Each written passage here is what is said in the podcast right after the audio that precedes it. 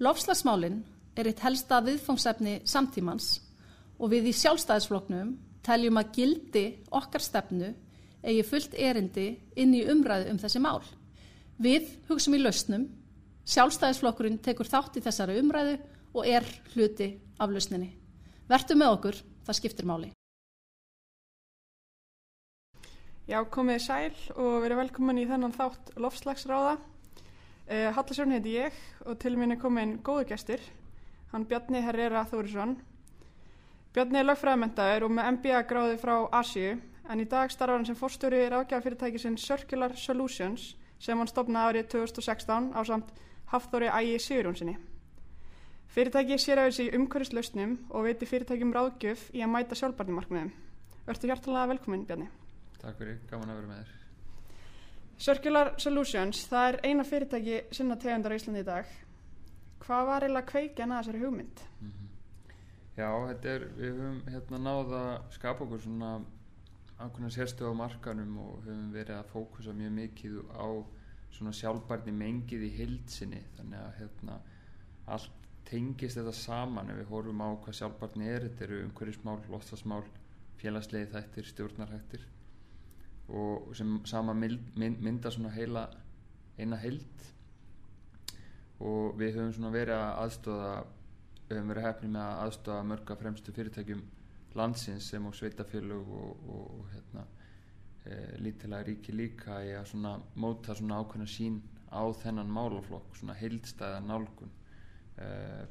þannig að það hefur bara verið mjög gaman og, og við auðvitað sáum það fyrir þó nokkur árum síðan að það var svona mikill vöxtur í þessu uh, þessum málaflokki. Og sáum bara tækifæri í því að hérna, uh, samina kraft okkar og, og hérna og hjálpa til við að skapa verði að svona flýta þessari vekkferð áfram hjálpa aðeilum að flýta þessari vekkferð áfram í átt að sjálfbarni Já, emitt En já, eins og segir, þá veitum við fyrirtækjum svona heildstæða ráðgjöf í málum sem tengjast sjálfbarni mm en hvað svona sem dæmi fælst í þessari ráðgjöf? Og þú ert að fá bara viðskiptavinn sem að vantar ráðgjöf. Ertu með eitthvað dæmi hvaði Já, þetta eru svona fjórar línur af ráðgjöf sem við erum að veita fyrirtækjum og það er stefnumótun. Það er að segja að við hjálpum fyrirtækjum að finna út úr því hvað skiptir máli fyrir þeirra atvinningir og hvað ekki. Við erum til dæmis að vinna með tryggingafélögum og orkufyrirtækjum og það er ljóst að það er áhættu sem skipta mestu máli í þeirra starf sem eru mjög mismunandi því þetta eru svo eðlis ólík fyrirtæki. Þannig að við erum að hjálpa þeim að finna út úr og forgangsraða í raun og veru hverju skipti mestu máli. Þannig að það er stefnumótun uh, svo er það uh, skýslugjöf hjálpa þeim við að uh, miðla þessum málum bara til allra hagaðala hvort sem það er starfsfólk, fjárfestar eftirlitsaðilar viðskiptavinnir það getur verið loftasbókald, ESG skýslur, eitthvað þess aftar og svo erum við að hjálpa aðlum með svona sjálfbara vöruþróun. Og þar höfum aðeins verið að starfa með fyrirtækjum eins og Össuri og Marl að hjálpa stjórnundum þeirra félag að fá svona öðlast betri sín á í raun og veru heldar virðiskeði félagana út frá svona lofslagsjóna með og svo í raun og veru fjóruða svona þjónustan sem við erum að veita markanum er snýrað svona sjálfbárum fjármálum meðal annars svona grænum skuldabrjöfum uh, vorum aðstofa Arjónbanka með að búa til hérna, fyrsta græna innlánsreikningin uh, og líka Íslandsbanka í að gefa út græn, græn hérna, sjálfbáran svona fjármálaramma en svo líka bara fyrirtækjum eins og uh, félagsbústöðum og orkuðið reykjaður og landsverkjum þannig að það er svona mikill vöxtur í, í, í þeim gera Já, algjörlega hérna þau náttúrulega eins og þú segir að eru búin að aðstofa fjöldan allan af fyrirtækjum í þessum málum. En hérna svona í ykkar reynslu þú veist á hvaða sviðum eru Íslands fyrirtæki komin langt? Mm -hmm. um eitt þetta er góð spurning og ef við hugsaum bara sjálfbarni sem eitt mengi við getum hugsað sko að sjálfbarni er markmið. Þannig að öll fyrirtæki og við sem samfélag erum að vinna okkur í átta sjálfbarni og ok, sjálfbærni út frá hverju? Það er oft talað um þess að þrískiptu uh, hérna, triple bottom line á einsku uh, sjálfbærni út frá umhverfinu sjálfbærni út frá samfélaginu okkur fólkinu en svo líka bara profitability eða, eða arðsköpun. Og allt þrýr mjög mikilvægir þættir í að vinna okkur í átt að, hérna, sjálfbarni og við notum svona ákveð framework sem við kallum ESG á ennsku eða UFS á íslensku sem er þá umhverfismál félagslið þættir og stjórnarhættir uh, sem svona framework til að vinna okkur í átt að hérna, sjálfbarni þannig að þetta eru þrýr þættir umhverfismál, félagslið þættir og stjórnarhættir og spurningin er hvar standa íslenskir aðalar sig kannski best og hvað eru mestu áskorunar uh, Íslenski markaðurinn hefur góða sögu hvað var að stjórnarhætti uh, hérna, eru til fína leiðbynningar um ábyrga og góða stjórnarhætti á Íslandi sem fyrirtæki hafa verið að starfa eftir í mörg ár. Þannig að flest fyrirtæki er að standa sér þokkalega þar eða bara þokkalega bara mjög vel þar. Uh, félagslegi þættir það er svona hvernig þú ert að vinna með mannauðin hvernig er kynjaskipting í fyrirtækjónum launamunu kynja uh, síðareglur, fleira slíkt. Og flest íslensk fyrirtæki svona í starri kantinu bara standa sig þokkala vel þar þó er svona, þó nokkuð hægt að bæta þar því að þetta er svona nýr hugsunaháttur svolítið í kringum þetta. En umhverfismálun og lofslagsmálun er klálega sá þáttur sem að langt flest fyrirtæki í Íslandi þurfa að uh, svona endur hugsa og bæta sér tölvört í fram á veginn. Þetta er bara flóki viðfangsefni og ég held að mörg fyrirtæki er að reyka sig á það núna sem er kannski búin að vera vinna með þetta í nokkur ár er að átt að segja að þetta er alveg áskorun að ná utanum þetta. Að ná utanum alla losum gróðursaloftegunda í helli virðiskeðu og, og, og svo framvegist þannig að umhverfismálunni klálega þar eru tækifæri. Mm -hmm.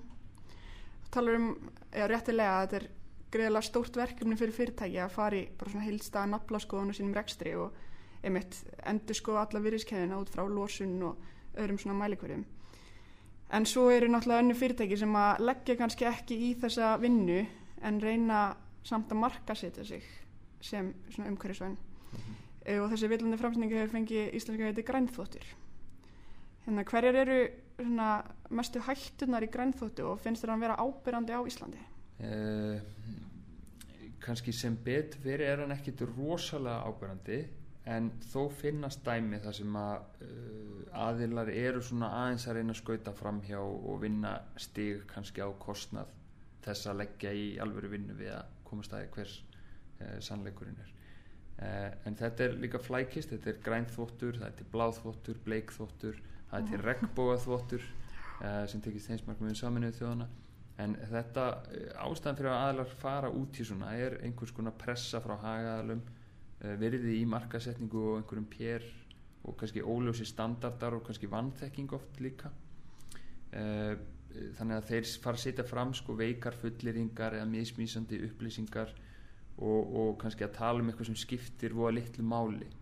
sem að ef að stórt framlegslu fyrirtæki leggur mest áherslu á að þeir sé að spara pappir í prentaranum mm -hmm. sem með alþjóðlegar virðiskeður þá er alveg ljóst að hérna, forgansöðunin er svolítið skökk en, en þess vegna er bara mjög mikilvægt í, þessu, í, í þessum sjálfbærnumálum að, að leggja áherslu á gagsægi og draga ytri aðla og sérfræðinga mögulega borðinu í einhverjum tilhöllum mm. þar eru ekki alltaf. En, en, og, og leggja áherslu og reyna að skilja það sem skiptir máli fyrir mismöndi aðtöningur Akkurat. Hérna já, náttúrulega ástæðan fyrir að fólk eða fyrirtæki fara í svona markasetningur er hlúta að það er mikil pressa frá neytindum og neytendur náttúrulega eru stór þáttur í að, í að hérna, ídundir þess að þróun náttúrulega stýra sínum viðskiptum til fyrirtæki sem endur spekla þessi gildi. Um, en svo má heldur ekki gleyma fjármagninu og ef við förum aðeins yfir í fjármagnuna hliðina á teiningnum þá hefur kallið neytenda og fjármagsegenda einhverju leiti verið svara með grænum skuldabrjöfum og það er mitt eitt af því sem þið veitir ágjöf við hérna aðeins kannski fyrir hlustundur sem er ekki rúslega djúft soknur í fjármálumarka hvað svona í stuttu máli eru græn skuldabrif mm -hmm. Já, eh, mjög góð punktur sko, græn skuldabrif er svona vara sem að hefur vaksið og, og ef við tökum bara rétt aðeins sko sögu græna skuldabrifa sem aðdraðan daði að svara spurningunni þetta er svona rúmlega tíóra gömul saga. Uh, fyrstu grænu skuldabrifin fór að líta þessi ljós fyrir um það byrju tíu árum og síðan þá hafa komið upp svona nýjar variasjónir af því sem eru félagslega skuldabref heimsmarkmiða skuldabref blá skuldabref þannig að þetta er svona flóran er að aukast og, en þetta, það sem er áhugavert við þetta er að þetta hefur verið svona market based þróun á þessum markaði. Þar að segja eh, hérna, þeir sem er að gefa út uh, græn skuldaböri fyrirtæki og, og, og hérna, fjárfestar hafa bara svona svolítið komið sér saman um leikreglunar og hann hefur vaksið bara mjög hérna, hratt uh, síðustu tíu ár.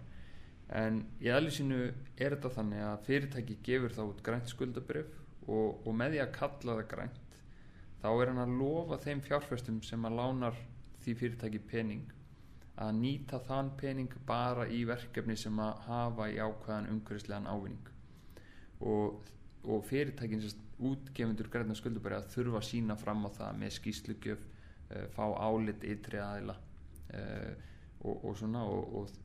þannig að það, það, það eru græn veru. Þannig að það er meiri reykjanleiki meira gagsægi og líka líklara til þess að vera fjárfesta í verkefnum sem eru kannski áhættu minni til lengri tíma af því að það er verið að setja fjármagnið í verkefni sem er ætlað að snúa við þessum lofslagsmála uh, áhyggjum eða stöðla að jákvæðari umhverfisáhrifum í verkefni átt að sjálfbarni og það er rétt að það hefur verið bara mikill heiður að fá að taka þátt í að byggja upp þennan marka svona uh, út frá okkar hlutverki bara svona aðstöða við að veita ráðleggingar og, og svona bara mjög blómlegt og mikið, mikið til að vinnast líka áfram bara á markan Já, telur þú að græn skuldabrif hafi raunverulega áhrif til eins betra í þessari bartu? Er þessi skýrslugjöf og þessi svona bara framkvæmdin á skuldabrifunum er hún að virka? mm -hmm. Það hefur auðvitað verið mjög áhugavert svona síðustu ár frá því við byrjum fyrir 3-4 árum að hérna svona sökk okkur ofin í þetta. Þá hefur við verið að fylgjast með bara svona doktorsrannsóknum og ímiskunar rannsóknum frá markasæðalum um þetta og, og reyna átt og gráði hvað, hvað er veist, hvað áhrif er þetta raunverulega að hafa. Og það er hægt að kannski benda á fjóra þætti uh, að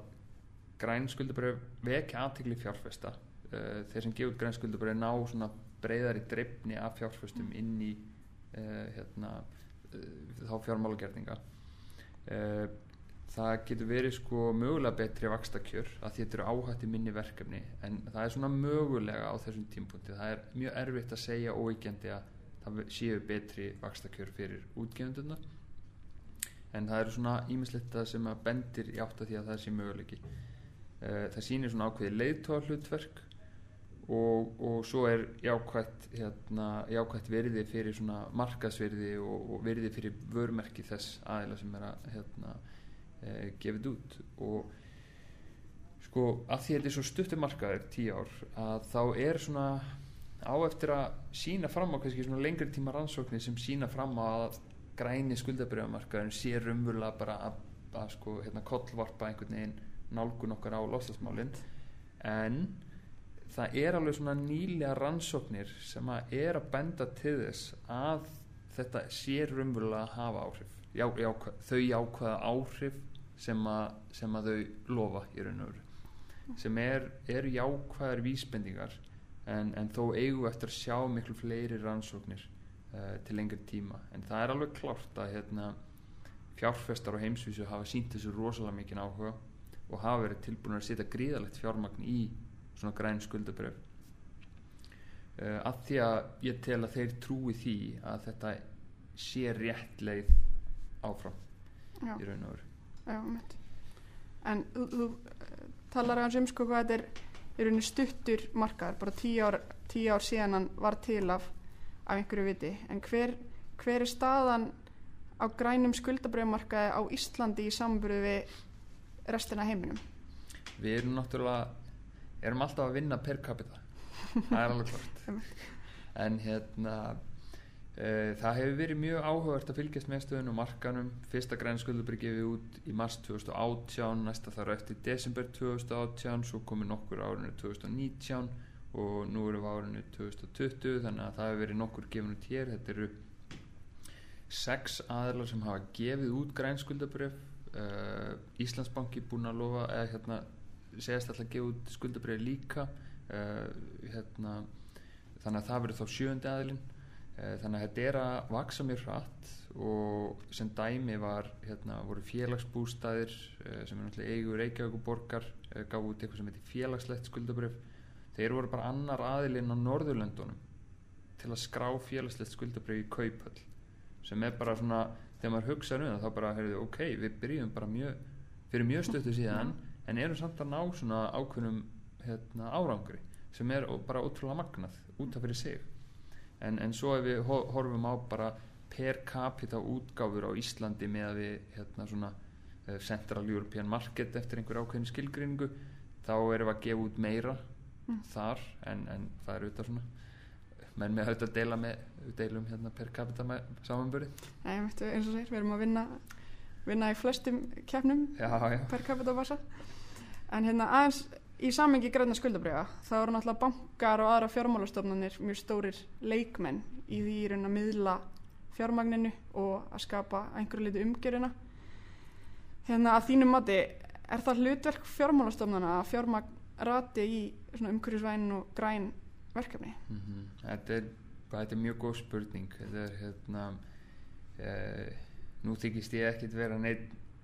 djúpur sérfræðingur í, í sko hvert hlutverk eh, hérna, fjármálumarkaði grunninn eða banka á vera en, en hérna, óneitanlega frá mínum sjónarhóli þá stöndum við frammi fyrir sko e, svona algjörri bara grundvallar endur hugsun og endur mótun fjármálmarka út frá meðal annars loftasbreytingum og þessum sjálfbarnimálum ég held að og ymmit að því að þú nefnir það hérna, nefndir það hérna áðan að, að, að því að neytendur fólk er farið að átta sig á því hvað þetta er mikilvægt og, og við erum að reyna að leiðrétta einhvers konar halla uh, og, og, og það sjá fjárfesta líka. Fjárfestar eru auðvitað að reyna að stýra fjármagni eftir neytendahegðun og, og ég er að vera að reyna að fjárfesta í verkefni sem eru áhættu minni en önnur til að verja sína fjármuni. Og við stöndum frammi á, á, á þeim tímapunkti að hérna, uh, fjármags stofnana fjárfestar um allan heim er að stýra miklu miklu meira fjármagni úr til dæmis bara hérna, eh, fyrirtækjum sem reyða sig á olju hérna, bara já, olju í, í, í aðra atvinnugera það sem, að, sem eru umhverfisminni eh, meiri hérna, hafa, hafa meiri umhverfis betri á umhverfisáhrif. Uh, þannig að hérna, við stöndum frammi fyrir þeim tímapunkti núna og, og það, þeir eru að leita þessum, þessari triple bottom line vilja fá sin, sína ávöxtun á sína fjármunni en að sam, á, hérna, á sama tíma hafa jákað áhrif á umhverfið og, og, og samfélagið og fólkið þannig að það er bara ótrúlega áhugavert og hérna þannig að við erum með greiðlega eftirspurt þá eftir öllum þessum fjármálagerningum og verkefnum. Uh, og, og frambóðið er svona að aukast eins og frambóð græna skuldabröð Íslandi það er mikil eftirspurt en, en frambóðið er svona hægt og rólega að aukast. Og auðvitað spila bankar hlutverk í, í, í því að hérna svona mæta þessu fram, hérna, mæta sér eftirspurninni og, og, og svona kannski að reyna þá liðka til við frambóðið uh, svo má bara deilum sko hvaða nákvæmlega hlutverk það er eða hversu mikilvægt hlutverk það er. Já, akkurat það eru skipta skoðanir held ég á, á þessu sko. En hérna, já, við erum talað fjármálstofnir og, og fjármálstofnir og fyrirtæki starfa náttúrulega ekki, ekki í neinu tómurum eða þú veist það er regluverk og það eru skattar og það eru gjöld og hjú opnbera sem að hjú opnbera er raun og veru ákveður og það þarf að huga að því. Og hérna þetta regluverk skapar svo ákveðna kvata fyrir fyrirtækin. Og svo á sama tíma er rosalega mikið pressa á stjórnvöld að bregðast til láslasvoni en svo umræða snýr oftar en ekki að bóðum og bönnum og að, að skatleggja þetta og banna þetta og, og svo leis en það er svo aðeins fyrir fyrir að minna í umræðinni kannski hvað stjórnvöld geta gert til þess að leifa fyrirtækjum svolítið að finna hennan takt sjálf og útfæra þetta sjálf eins og varst að segja náttúrulega að græni skuldbæramarkaðun svona svolítið fann sér sjálfur um, en hérna að þínum mati hvað er svona eitthvað sem að stjórnvöld geta gert til þess að skapa réttu kvatana og skapa réttu umgjöruna til þess að þessi geiri og þessar áherslur fá að njóta sín og blómstra. Þetta er, þetta er mjög valið spurningur hérna, og, og klárt að hérna, meina nú erum við búin að tæpa á veist, hlutverki fyrirtækja, hlutverki einstaklingsins, hlutverki fjármálamarka og stjórnvöldin augljóslega einn hagaðalinn í þessu sem getur haft jákvæð og neikvæð áhrif alveg eins og allir hinnir að hérna e, það er náttúrulega klárt að hérna stjórnvöld spila mikilvægt hlutverk og hérna e, og geta svona beitt sér með mörgum mismunandi hætti. E, ég menna ef við tökum bara dæmum nokkur atriði ég menna það sem við sjáum erlendis er að ríki eru að gefa sjálf út græn skuldabröf og ég menna hvað þýðir það? Bæ, bæði eru þau þá náttúrulega að hérna, reyna stöðla því að ríkisfjármagnið leiti þá frekar í verkefni sem hafa þessi ákveðu umhverfisáhrif og það getur verið infrastruktúrverkefni eða eitthvað slíkt. Eh, en svo líka samanskapi eru, eru, eru ríkin þá að auka fjölbreytni í grænum fjárfestingakostum að, og, og svara þá ákveðin eftirspurt líka frá fjármagsegundum sem eru síðan að svara hérna Eh, eftirspurð sko einstaklingan okkar. Veist að hérna eins og lífyrísjóðinir þeir eru auðvitað að stýra okkar fjármagni og, og, og við sem einstaklingar höfum svona áhuga á því uh, og það getur skapa líka hérna betri grundvöld fyrir svona áhættu dreifingu lífyrísjóða og stopnarnu fjárfesta og, og hérna kannski líka stöðla að því að svona sértækir segjum bara skuldabriðasjóðir einhvers konar fjárfestingasjóðir uh, séu þá að fá hérna svona ríkis uh, instrument inn í þá mm -hmm. og hérna kannski að þá liðka til fyrir markanum í held þannig að það, það getur haft svona jákvæð svona keðverkandi áhrif mögulega uh, svo auðvitað getur ríkið í bara sinni starfsemi uh, auðvitað hérna fjármagnir ríkið sem meðal annars bara frá sköttum og hérna og svo hérna verður að gera eitthvað við þessa hérna, skatta og, og auðvitað ríkið á fjöldan allan af byggingum. Uh, það er hægt að gera þær grænar. Uh, það er hægt að hérna, eins og ég segi taka beina verkefnum í svona infrastruktúr sem að hérna, valda því að verði svona ákveðin jákvæð umskipti í, í hvað var að losasbreytingar það getur verið orkuskipti í höfnum eða stitta vegalengdir eða eitthvað slikt svo er þetta bara í sinni starfsemi áfram að beita sig fyrir svona grænum innkaupum í ríki starfsemi einhverju liti háð einhverjum samverðuskum reglugerðum en, en þar sjáum við líka í Evróp bara mjög mikla breytingar. Uh, og það er kannski þessi græni skuldabræðamarkaður er kannski svona fyrsta skipti núna að fara að sjá að Evrópusambandið er að fara reglu hérna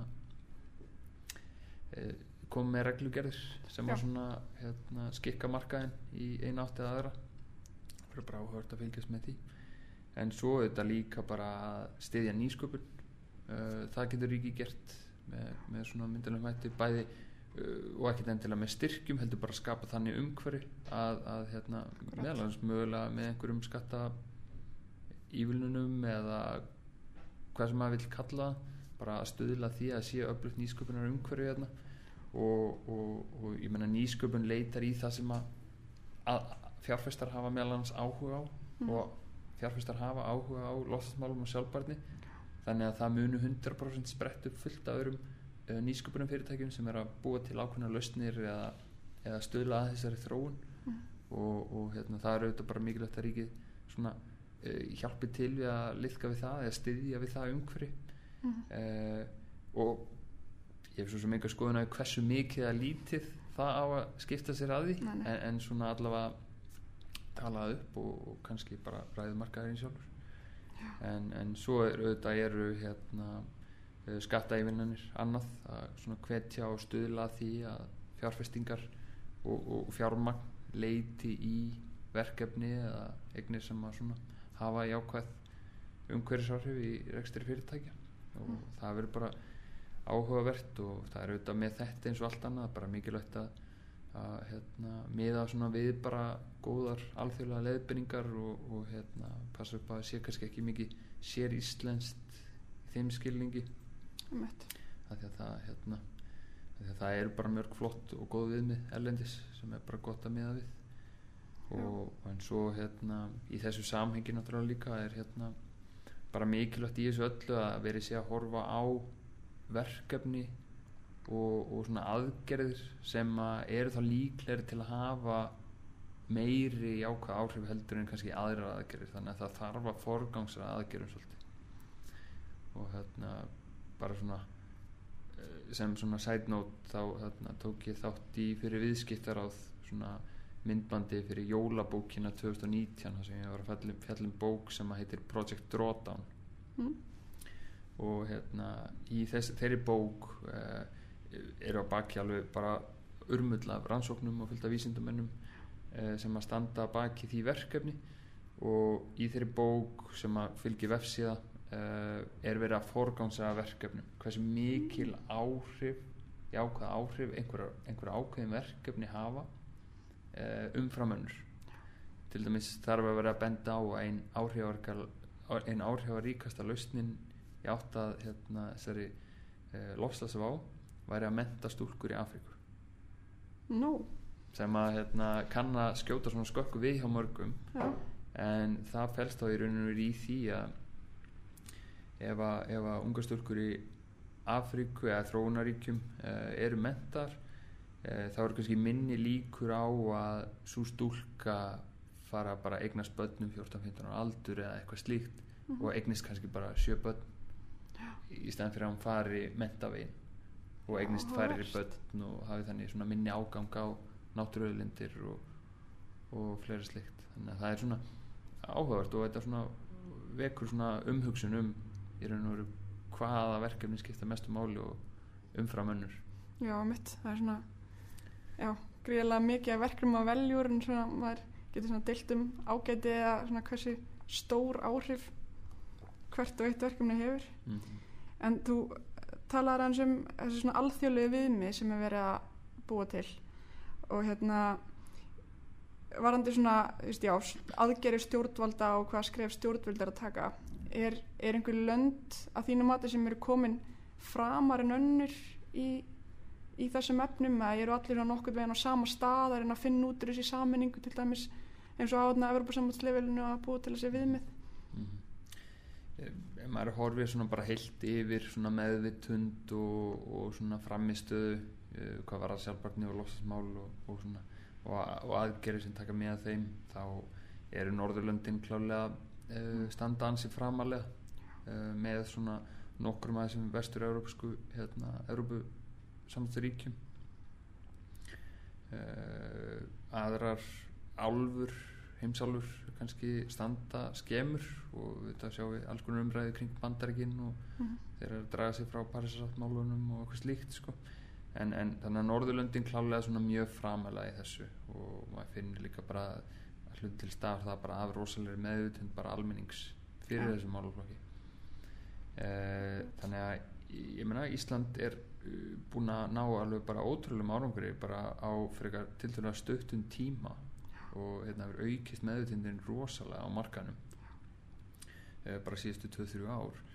Uh, þannig að hérna ég myndi segja að við ættum að líta hansi vel til Norðurlandana en svo eru þetta þessar uh, reglugerðir og fleira sem er í vinslu í, í hérna, Evropasambandinu og, og hérna sem að munu hafa rosalega þau munu hafa jákvæð áhrif í þeim skilningi að það er verið að búa til svona með ítalegri hætti en áður sameilan skilning á því hvað eru grænverkefni já, og einmitt. hvað ekki og á hvað forsöndum það eru. Þannig að það mun taka alveg langa tíma fyrir allan markaðin bara svona að skilja það átt að segja því og ná utan um akkurat. Svolítið umfangsmikið verk. Það já, en hérna, kannski örstuðt að lokum varst að tala um að hérna, Ísland er búin að ná freka langt á freka stuttum tíma en náttúrulega auðvitað en þá kannski langt í land. Mhm. en er einhver sérstakur geiri á Íslandi sem þið finnst vera komin lengra en aðrir í þessum svona sjálfbarni markmiðum? Uh, góð spurning. Er, það er alveg rétt, Ísland hefur náð hérna, íslensku markaðar íslenskt atvinnulíf hefur náð bara miklum árangri núna síðustu bara 2-3 ár. Og hérna uh, ég myndi segja að við ætti að nefna eitt geira sem stæði sér vel, það væri það klála orkugerin uh, orkufyrirtækin á Íslandi. Þau eru auðvitað að vinna með náttúruauðlind og hafa lagt mikla vinnu í það síðustu ár, áratug í að vinna með umhverfisupplýsingar og eru ná alltaf betur og betur utan um það og, en standa sér bara heilt yfir rosalega vel og í, mjög vel í samanburði við bara leiðandi fyrirtæki í Evrópu og, Nor- og Norðurlöndun uh,